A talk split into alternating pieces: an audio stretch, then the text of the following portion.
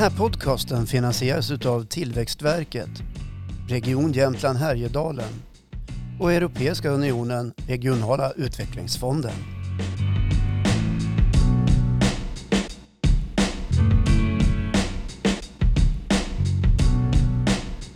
Ja, men då säger vi välkommen till Marcus Åsling. Jag brukar kalla dig opinionsbildare. Hur låter det?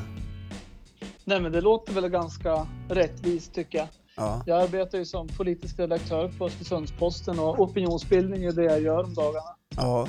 Är det ett lätt jobb tycker du? Både och, eh, som de flesta jobb ska vara. Eh, det, är, eh, det är lätt åsikter ifall man har åsiktsöverskott som mig. Eh, sen det svåra är väl hur man ska klä dem. Ja. Ehm, Jag brukar läsa en del av det du skriver och ibland är det ju ganska provocerande och säkert Mm. med avsikt att väcka någon form av fundering eller fråga eller reaktion eller det man Mm. kallar opinion. Så är det ju. Min uppgift är ju inte att stå i mitten och recensera utan att eh, dra ut på debatten, få den att väcka nya tankar, att få läsarna att känna någonting när de har läst mig. Antingen då att de tycker att jag är provocerande eller rolig eller huvudet på spiken eller vad det kan vara. Eller- Att eh, om de flesta läsarna skulle läsa mina texter och säga ja kanske, då skulle jag se det som ett misslyckande. Och ibland kanske du till och med är lite elak. Det är betraktarens öga. Jag tycker själv det är svårt att avgöra det. Min eh, ambition är ju inte att vara elak när jag skriver. Och eh, varför behövs det opinionsbildare då tycker du? Ja, det är väl den svåra frågan att svara på. Varför behövs vi? Eh, Det är väl för att debatten behöver de som, som väcker tankar och känslor. eh, som får eh, de politiska diskussionerna och samhällsdiskussionerna att utvecklas, ta ett steg till och, och vidare. Att eh, inte fastna i, vad ska man säga, den politiska eller politikernas logik av en samhällsdebatt som ju har eh, flera olika interna som säga, regler. Alltså, är man i en politisk process kanske man inte vill säga särskilt mycket om den.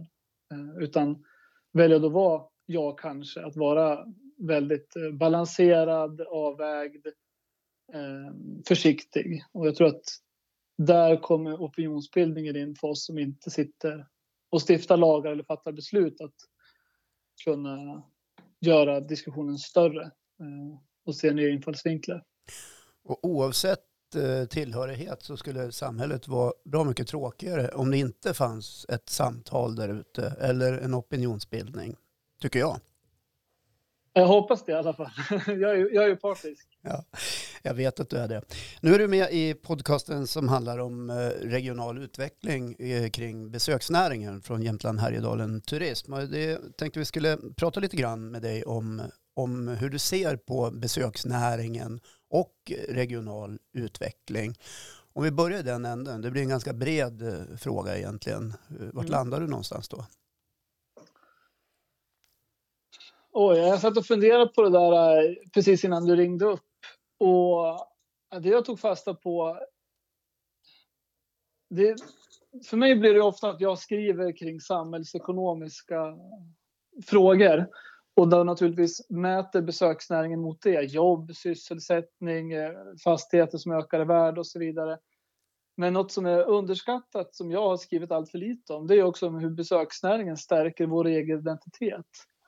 Att vad det innebär att bo i Jämtland, att vara jämtländsk. Speciellt i, i den tid vi lever idag där många har någon typ av säger, global identitetskris. Så är ju besöksnäringen bra just för att den stärker vår egen bild av oss själva. Varför, varför är det viktigt tycker du? Det handlar väl om samhällstillhörighet tillhörighet, men också trygghet. Att eh, veta vem man är. Eh, det handlar om frågor som språk, vad vi äter för mat. Maten har ju fått en väldigt tydlig profil, skulle jag säga, i Jämtland. Och då tack vare besöksnäringen. Eh, men också vår egen historia. Och tack vare också många drivna små eller lite större entreprenörer som har fångat upp det man brukar kalla småskalig matproduktion. Ja, exakt. Eller till Det och är ju inte bara matproduktion. Jag, är ju par, så här, jag växte upp i Börtnan, mina föräldrar är fiskodlare. och det är väl ganska välkänt att Börtnans fjällvattenfiske är ett starkt, vad ska man säga, varumärke inom mathantverken. Så, så därifrån kommer jag. Men eh, jag tycker också man borde lyfta upp det otroligt fina restaurangutbudet som vi har i, i Jämtland som ju är vad ska man säga, bättre än vi förtjänar nästan. Eh, ta jazzköket vi har haft. Michelinkrog. Eh, om man kollar på Åre så är det otroligt bra restauranger. Det är också en del i det småskaliga mathantverket. Mm. Och då pratar man reseanledningar med så kallade foodies som är beredda att betala ganska stora pengar för att få uppleva en härlig matupplevelse. Ja, mm. jag ser mig nog själv som en sån. När vi diskuterar semester, jag och min fru, vart man ska åka någonstans, då i princip det första jag tittar på är väl vad det finns för typ av lokal matkultur, vad det finns att uppleva. Om resmålet innebär en, ska man säga, en chartrad meny på engelska med extremt internationellt anslag så blir det väldigt ointressant för mig. Och jag tror att många resonerar likadant. Ja, jag, känner, jag känner igen mig i det, för jag älskar också god mat. Mm. Eh, men när du väljer då eh, för, din, för dig och din familj, hur, hur tänker du då, då? Hur resonerar ni med varandra? Om ni är på väg till ett resmål eller? Mm. Vi har ju haft pandemi nu i snart två år, eh, så det har inte blivit så mycket resande annat än inom länet egentligen. Eh, sen har vi tre barn under tre år, ja. vilket definitivt begränsar. Men vi pratar ju om vår första resa nu efter att pandemin är över. Man tittar på det och hoppas på att det blir sommaren 2022. Och då blir det ju en, en avvägning mellan ja, vad som funkar för barnen, vad de har för behov, vilket väl oftast är en, en grundpool. Och att det inte skvaller så mycket trafik runt omkring dem, alltså mycket trygghetsfaktorer. Men för en själv så, när man då väljer mellan olika resmål, så blir det ju att man tittar på maten som avgörande. Alltså, är det en intressant matkultur, intressant utbud kring det. Säg att det är i Sverige så tittar man då på hur restaurangkartan ser ut. Finns det lokala mathantverkare? Är man från Jämtland och ska semestra i Sverige så har man ju, tycker jag, högre krav på det. Att man vill ju ha någonting som, som kan mäta sig med det utbudet man har lokalt. Därför att vi är lite präglade av vår egen hemmamiljö när det gäller den biten. Ja, exakt. Och om man pratar om en utlandsresa så då vill man ju att eh, man åker till en region där de vårdar sitt, eh, sitt mathantverk och sin matkultur. Där det inte är liksom pommes frites och eh, men pubmenyer liksom varje dag. Mm. Då antar jag att du har varit i Italien. ja, det, det är favoriten. jag förstår. Jag landade också där faktiskt. Eh, om man tittar då på regional utveckling och plockar ut biten som vi brukar kalla besöksnäring. Eh, mm. Ibland kan den stå i konflikt mot andra intressen eh, som också kan vara regional utveckling. Eh, det här har du också skrivit en del om historiskt. Hur ska det här kunna förenas, tänker du? Och går det? Ja, alltså för mig så är det ju mer som förenar än som, eh, vad ska man säga, det är mer av både och än antingen eller när det kommer till andra branscher. Ta skogsindustrin som exempel, som en annan stor stark näring i Jämtland. Så möjliggör ju den vägar ut i, i naturen som jag, jag tror inte hade funnits annars eh, och som då besöksnäringen drar nytta av. Framförallt då för de som jag ska ta en dagstur eller liknande som har en som säga, en högre tröskel för den typen av outdoor eh, engagemang.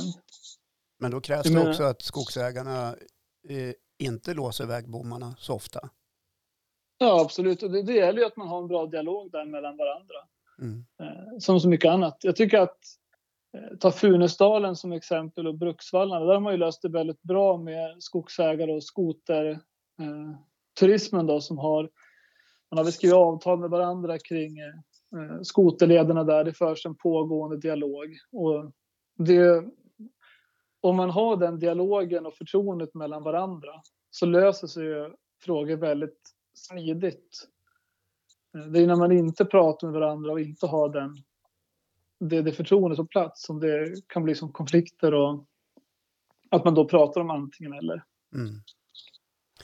Eh, hur stor plats eh, tänker du dig att eh, besöksnäringen ska ha för att den regionala utvecklingen i en region som oss, Norrlands inland, ska få en rejäl skjuts framåt? Ja, alltså för mig så är det ju en av Jämtlands egentligen tre eller fyra basnäringar beroende på hur vad man menar med basnäring. Men det, vi har ju liksom industrin, skogsindustrin. Sen har vi besöksnäringen där jag tycker egentligen jordbruket ingår.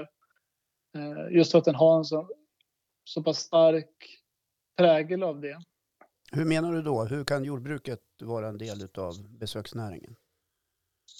Nej, men om vi räknar en fiskodling som besöksnäring eller som jordbruk rättare sagt. Det är ju vattenbruk eh, i Börtnan. Det finns en tysk turistbok som någon typ av vägatlas där man har markerat ut det. Det kommer många tyska turister dit och, och käkar och köper fisk varje sommar. Eh, och det finns ju också då andra jämtländska destinationer. Naturligtvis eh, Fäbodarna är ett exempel på en jordbruksverksamhet som lockar eh, turister både inom länet och utanför. Mathantverket är ju tätt sammankopplat med jordbruket i det att eh, ska du göra en ost i Skärvången så behöver du naturligtvis mjölken någonstans ifrån och den köper de ju inte på ICA utan av eh, lokala bönder. Och en gång i tiden så var det väl också så att Skärvången själv hade egen mjölkproduktion. Så när du säger det här så kan man då säga att det mesta hänger ihop? Ja, jag tycker det. Det är få fall där jag kan tänka mig att det finns ett motsatsförhållande mellan olika branscher utan det är mer att man drar nytta av varandra. Eh, skogsindustrin då som sagt med, med vägar till exempel. Eh, att besöksnäringen och jordbruket drar nytta av varandra. Eh, säg att man inte hade haft ett jordbruk egentligen och det skulle vara ganska tråkigt landskap att, att besöka. Ehm, på samma sätt som besöksnäringen i Italien drar nytta av sitt lokala jordbruk. Finns det några andra paralleller du kan se då som eh, om vi tar exemplet Italien och eh, till exempel vår region där vi skulle kunna utveckla ännu mer? Det är väl flera egentligen. Jag tycker att vi borde vara bättre på att slå vakt om vår egen särprägel. Att bygga en, en, en story, eller man ska säga, kring Jämtland som region. Att vi är inte, vi är inte liksom bara en plats i Sverige, utan vi är någonting eget. Eh, tar man andra destinationer runt om i Europa så är det som intressant. Sardinien är ju inte bara en ö, det är också en, en lokal kultur, en lokal särprägel och så vidare. Eh, Podalen i Italien, samma sak där. Eh, Occitanien, eller gamla Occitanien i Frankrike.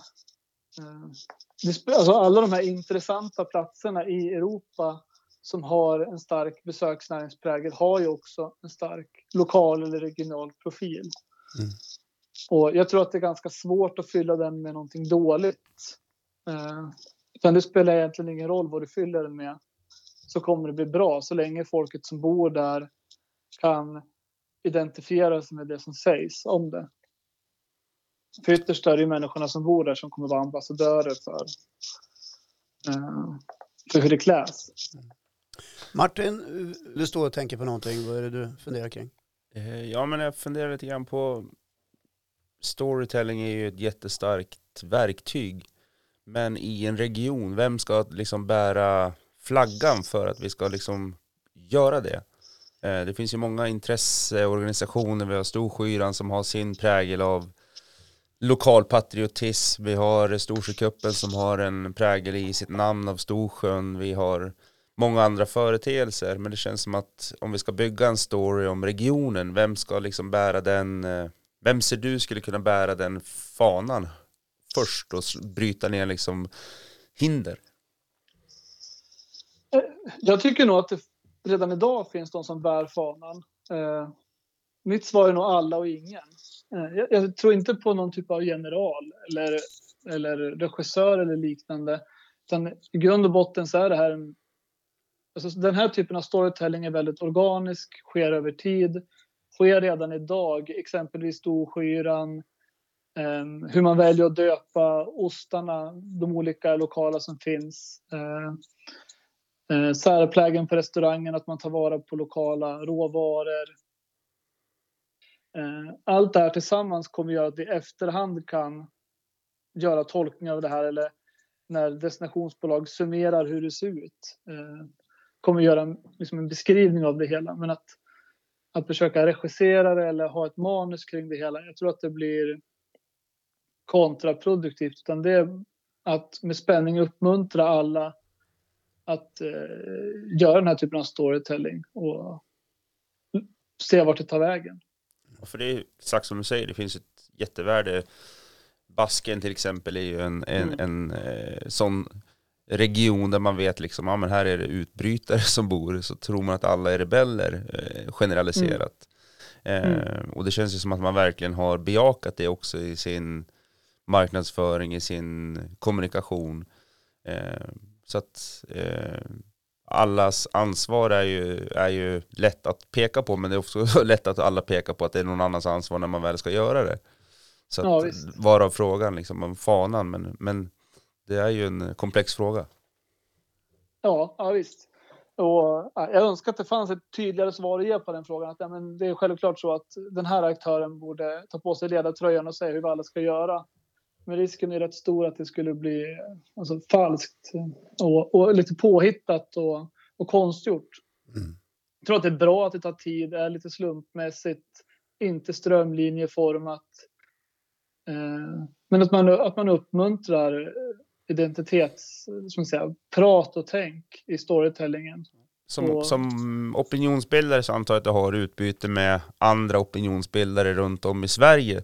Skulle du mm. säga att, att Jämtland som destination eller region redan nu uppfattas som, som du säger, att vi har en identitet, att man åker hit av, eller är det mest, ja men vi vill upp och eh, vandra i fjällen, eller känner man av att det är en, en annan atmosfär, en annan kultur, en annan identitet hos jämtarna när du om du samtalar om sådana saker med de andra opinionsbildarna, för ni är ju väldigt samhällsbelevrade. Mm.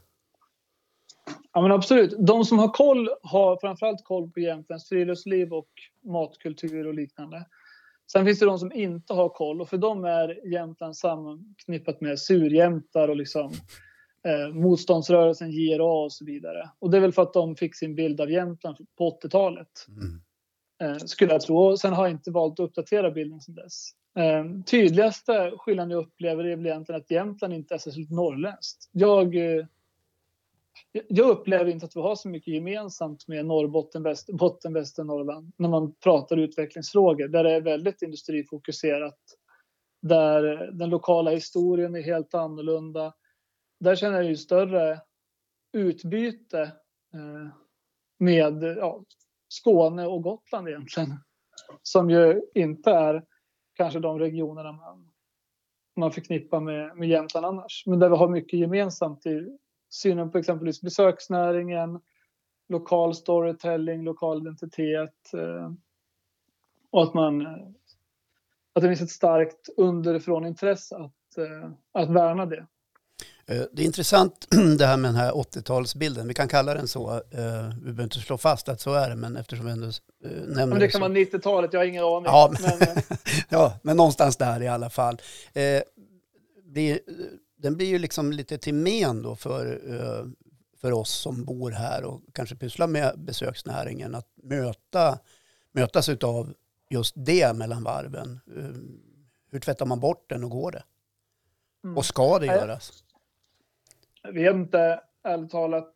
Eh, jag upplever att vissa även i Jämtland tycker att det är ganska kul att bli kallad surjämtare för att man kanske har en personlighet som, som inte är så utåtriktad. Man tycker det är lite kul att vara, att vara sur eller vad man ska säga. Eller, ja. eh, Fast begrepp, begreppet den, är ju ändå fel. Liksom. Det, ja, jag visst. Vi är ju inte sura ja. jämtar utan det kommer ju någonstans ifrån att forbunderna var blöta och, och så vidare när de for omkring med sina, i sina handelsstråk. Och, och Exakt. Det var ju det de var. De var ju sur och blöt. De var ju inte sur-sur som, som jag kan vara ibland. Ja, nej det säger jag ingenting om. Men eh, absolut, och risken med att man befäster en bild av surjämtar som så att säga eh, sur och, och har tråkigt humör, det är också att man får ett, en sluten identitet som inte välkomnar andra, välkomnar nya intryck. För det är ju också det som har gjort Jämtland väldigt spännande tycker jag. Att vi har tagit intryck av omvärlden, tagit hem dem och gjort egna idéer av det hela. Det är ju inget urjämskt att gå på jazzköket utan de har ju naturligtvis tagit intryck från resten av världen. Eh, Fia Gurluksson i sitt arbete har ju också gjort det.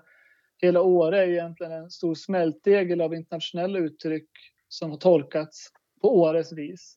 Mm. Och där ser jag väl risken med att man liksom förstärker bilden av jämtar som sura, alltså i humöret och så vidare. Att vi blir, att vi blir slutna och inte tar intryck av andra. För när en identitet blir sluten och eh, kritisk till andra intryck så kommer den ju också till slut att dö. Om man tittar på Börtnan som du kommer ifrån och eh, ert familjeföretag där Börtnans fisk heter va? Mm. Eh, Börtnan är ju också känt för en annan sak, nämligen att vara bland de kallaste platserna i landet. Eh, ja. Är det en besöksanledning? Är det ett eh, mål att kunna utveckla och skapa en produkt kring? Ja, jag kommer ihåg när jag växte upp. Då tyckte vi att det där var ganska besvärande tror jag, att, att Börtnan var kallast i Sverige. Det var ju också en helt annan medievärld när jag växte upp. Att alla läste tidningen och i den stod den här vädertabellen som angav som var varmast och kallast och väderleksrapporten.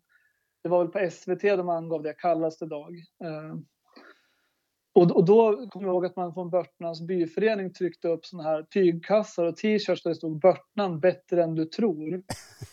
Okej, okay. ett litet försvarstal sådär liksom. Ja, och den är extremt, det är ett extremt dåligt försvarstal. Säger man det så förstår man att det är jävligt illa ställt. Mm. Eh, idag så har man ju tryckt upp nya kassar och t-shirts där det står Börtnan kallas till Sverige. Och, och gjort det till en kul grej.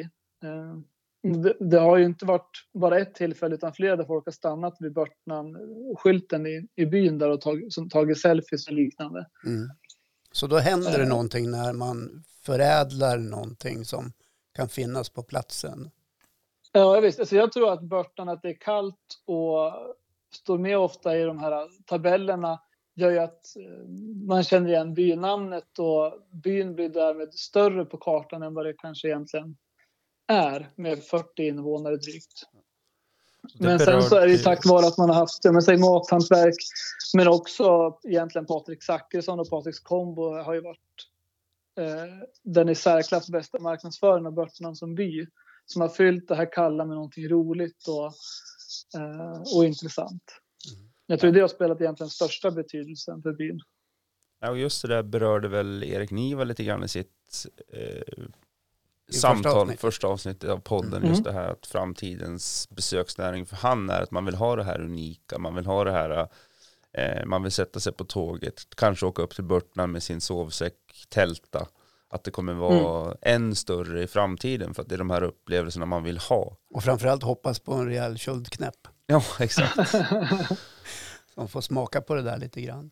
Uh, ja, men det, det, kanske, det kanske låter som ett konstigt exempel, men det är ändå ett, uh, tycker jag, ganska bra exempel på, på någonting som ändå har stuckit ut. Och då tänker jag massmedialt. Uh, även mm. om rikspressen ibland kan vara mer intresserad av ödehus och, och vargar och björnar och sånt där, så fångar de ändå upp det här. Och det blir någonting exotiskt kring det.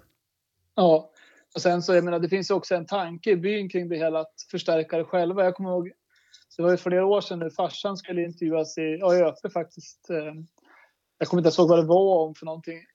Eh, men då tog han på sig dunjackan i vad det, maj, juni eller något när han intervjuade. Så det var ju bara för att förstärka bilden av byn som kall. Han, först, eh. han förstod vad han skulle göra.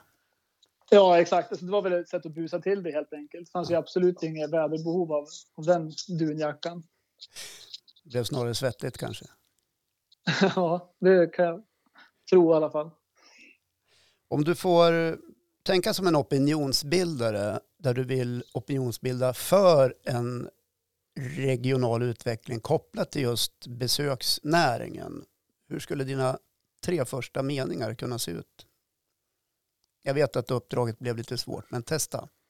Oj. får man välja fyra då? Fear of missing out. Ja, gör det. Men det, för det, fear of missing out är en sån här trend. Jag vet, jag vet nog knappt själv vad det betyder, men om jag får fylla det med någon typ av egen betydelse då. Alltså något som slår mig är ju att det är bra att veta vad man inte kommer hinna med att göra eller eh, få tid till att göra när man besöker en destination. När vi besöker Italien eller eh, reser runt i Jämtland. Man har ju en begränsad tid oavsett var man bor. Säg att vi skulle besöka Jämtland, bo i, ja men ta, ta Åre då, som är en så stark eh, destination. Att också veta vad som finns utanför Åre och som man inte hinner med. Alltså det gör ju verkligen destinationer intressanta när man, får, när man ser den här kartan av olika upplevelser eh, och som man inte kommer få tillfälle till att besöka. För att det hinns inte med eller det ligger på fel, eh, fel del av den plats man är och så vidare. Eh, att veta vad man inte hinner med är väl minst lika viktigt som att veta vad man hinner med. Vad är det som händer när man vet vad man inte hinner med? Nej, men det är att det blir en... Eh, dels så, så blir det starka intrycket här och nu när man besöker att wow, vilken plats det här är. Men också att det inför framtiden fyller på med, med en nyfikenhet att få besöka platsen igen och göra kanske en, en eh, liksom, vad ska man säga, modigare destinationsval. Första gången man kommer till en plats så kanske man är lite tryggare. Man, man håller sig eh, inom en mer begränsad yta. Det blir en väldigt välplanerad eh, semester. Vart ska vi äta någonstans? Vart ska vi bo? Vad ska vi hitta på?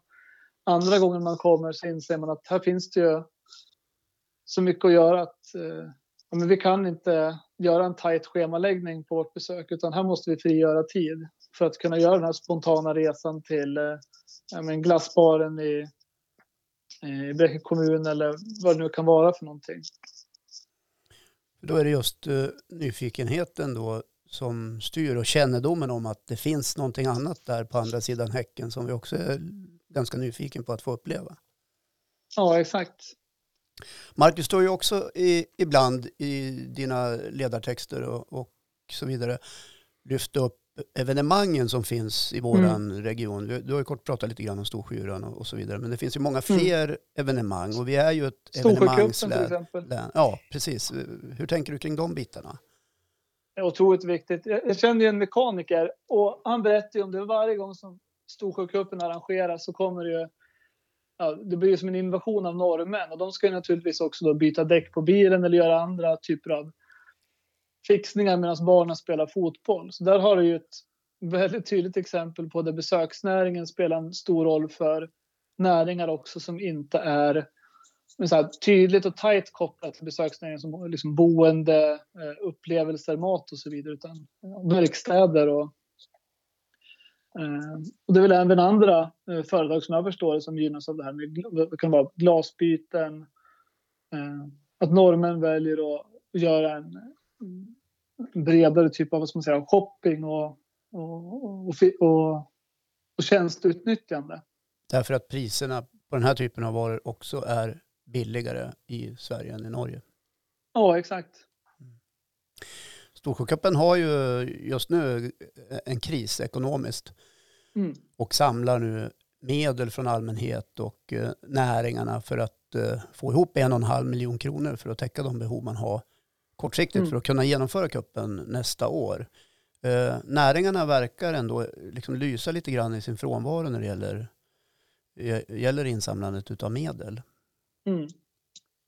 Har, de inte, ju... har de inte förstått? Är de inte tillräckligt lojala eller ser de inte vad affären är för någonting? Det har jag funderat på. Jag skrev en ledartext om det där jag uppmanade näringslivet att bli bättre på att donera pengar eller ha någon typ av samarbete med Storsjökuppen för att rädda den, just för dess otroliga betydelse. Ehm, jag tror att det, det finns nog flera förklaringar till det hela. Dels kan det vara eh, ett frågetecken kring vad, vad, vad behöver man pengarna till? Att man inte har nått ut, att kritiken då bör riktas mot kuppen själva. Så har man varit dålig på att nå ut med vad, vad behöver man pengarna till? Ehm, men det kan också ha att göra med att eh, vi är mitt inne nu i en coronakris. Eh, för de företag som är direkt gynnade av kuppen så har man haft haft det väldigt tufft och då kanske känner att man inte har råd att, att gå in med större pengar. Eh, det kan också vara det att man är orolig att inte hinna komma upp i summan så att säga, att, att den känns för, för stor. Eh, det jag tror skulle behövas är att de från näringslivet som väljer idag att skänka pengar till kuppen också gå ut och berätta det offentligt och berätta vilka summor det handlar om. Det kan kännas obekvämt, eh, vilket det oftast är i Sverige när vi pratar om pengar mm. och i synnerhet offentligt. Men jag tror att det är viktigt att man gör det för att berätta för andra att man har tagit det här steget. Eh, och eh, på det sättet gör, gör att fler vågar göra det och ser att det görs.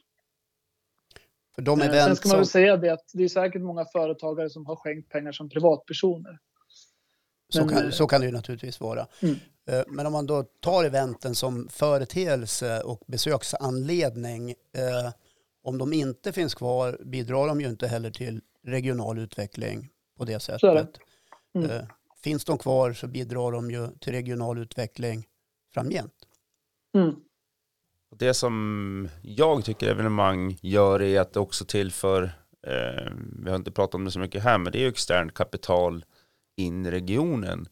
Det är mm. ju en form av export, fast mm. man kanske inte pratar om det som export, utan man pratar om eh, barn vill spela fotboll eller barn, man vill se en konsert mm. och så vidare med yran eller att man ska vilja gå på eh, världskuppen i Åre och så vidare. Men mm. det som det också gör är också att det följer ju med externt kapital med dels besökare men också brukar det kunna vara eh, nationella företag som vill synas där det är mycket eh, mångfald av besökare också. Eh, mm. det, det du belyser med verkstaden så är det ju en sån som är inte direkt kopplad till besöksnäring om du skulle prata om liksom vilka som direkt blir gynnade av en besöksnäring. Men det är en mm. väldigt stark indirekt koppling till just det här externa kapitalet som förs in i regionen. Mm. Och, externt kapital i en region bidrar ju till utveckling per definition. Ja, visst. Om man tittar på nivån beslutsfattare som du ändå försöker påverka i din opinionsbildning, bland annat. Mm. Eh, så är det ju ofta så att man eh, riktar sin power mot att få hit fler etableringar av företag som kanske producerar någonting, varor eller, eller tjänster. Men inte så ofta så hör man eh, politikerna prata om just besöksnäringen på samma sätt. Eh, förstår du vad jag menar? Ja, det är nog både bra och dåligt. Okej, okay, eh, berätta hur du tänker. Det är, eh, det är mycket enklare att som politiker locka till sig, sig ett industriföretag eller ett eh, köpcentrum eller handelsyta. Därför att eh, i grund och botten så blir det ett engagemang från politiken att lösa en fastighetsfråga, en lokalisering och sen detaljplanering. Medan besöksnäringen är ju eh, den är ju djupare och, och, och, svårare än så för politiken att lösa helt själv. Dels därför att det räcker ju inte med en sak, eh, en eh, upplevelse eller en eh, restaurang eller ett boende utan det är ju när du har en mångfald av flera små och eh, varierande upplevelser som det blir intressant. Och där är det svårare för politiken att gå in och säga vad man ska satsa på eller vad regionen behöver. I sådana fall måste det trycket komma från besöksnäringen själva. Att, eh, nej men vi behöver vad vet jag, ett badhus i Åre för att kunna ta nästa steg eller vi behöver det här i Östersund för att kunna ta nästa steg. Eh, och, och, då kan ju politiken fylla en viktig roll. Men eh, politiken går in och så att säga i någon mening väljer en vinnare på besöksnäringen. Eh, plockar ut en specifik bransch eller affärsgren. Det är sällan det finns exempel där man har lyckats med det. Eh, just för att politiken drivs av en annan logik än av företagens logik, logik om att driva en intressant affärsverksamhet. Men då landar man tillbaks ungefär där vi startade, att dialogen, samtalet och kanske också då trycket ifrån mm. eh, besöksnäringen själva behöver kanske vara lite mer aktivt. Absolut. Marcus Åsling, det var jättekul att få prata med dig i det här poddavsnittet från Jämtland Härjedalen Turism. Mm, tack för att ni ringde. Mycket tack för att du var med. Tack så mycket. Tack, tack. Tack för att du har lyssnat på eh, diskussionen med Marcus Åsling, opinionsbildare på Östersundsposten. I nästa avsnitt av Jämtland Härjedalen Turisms podcast träffar ni vdn från Jämtland Härjedalen Turism, Therese Gerdin.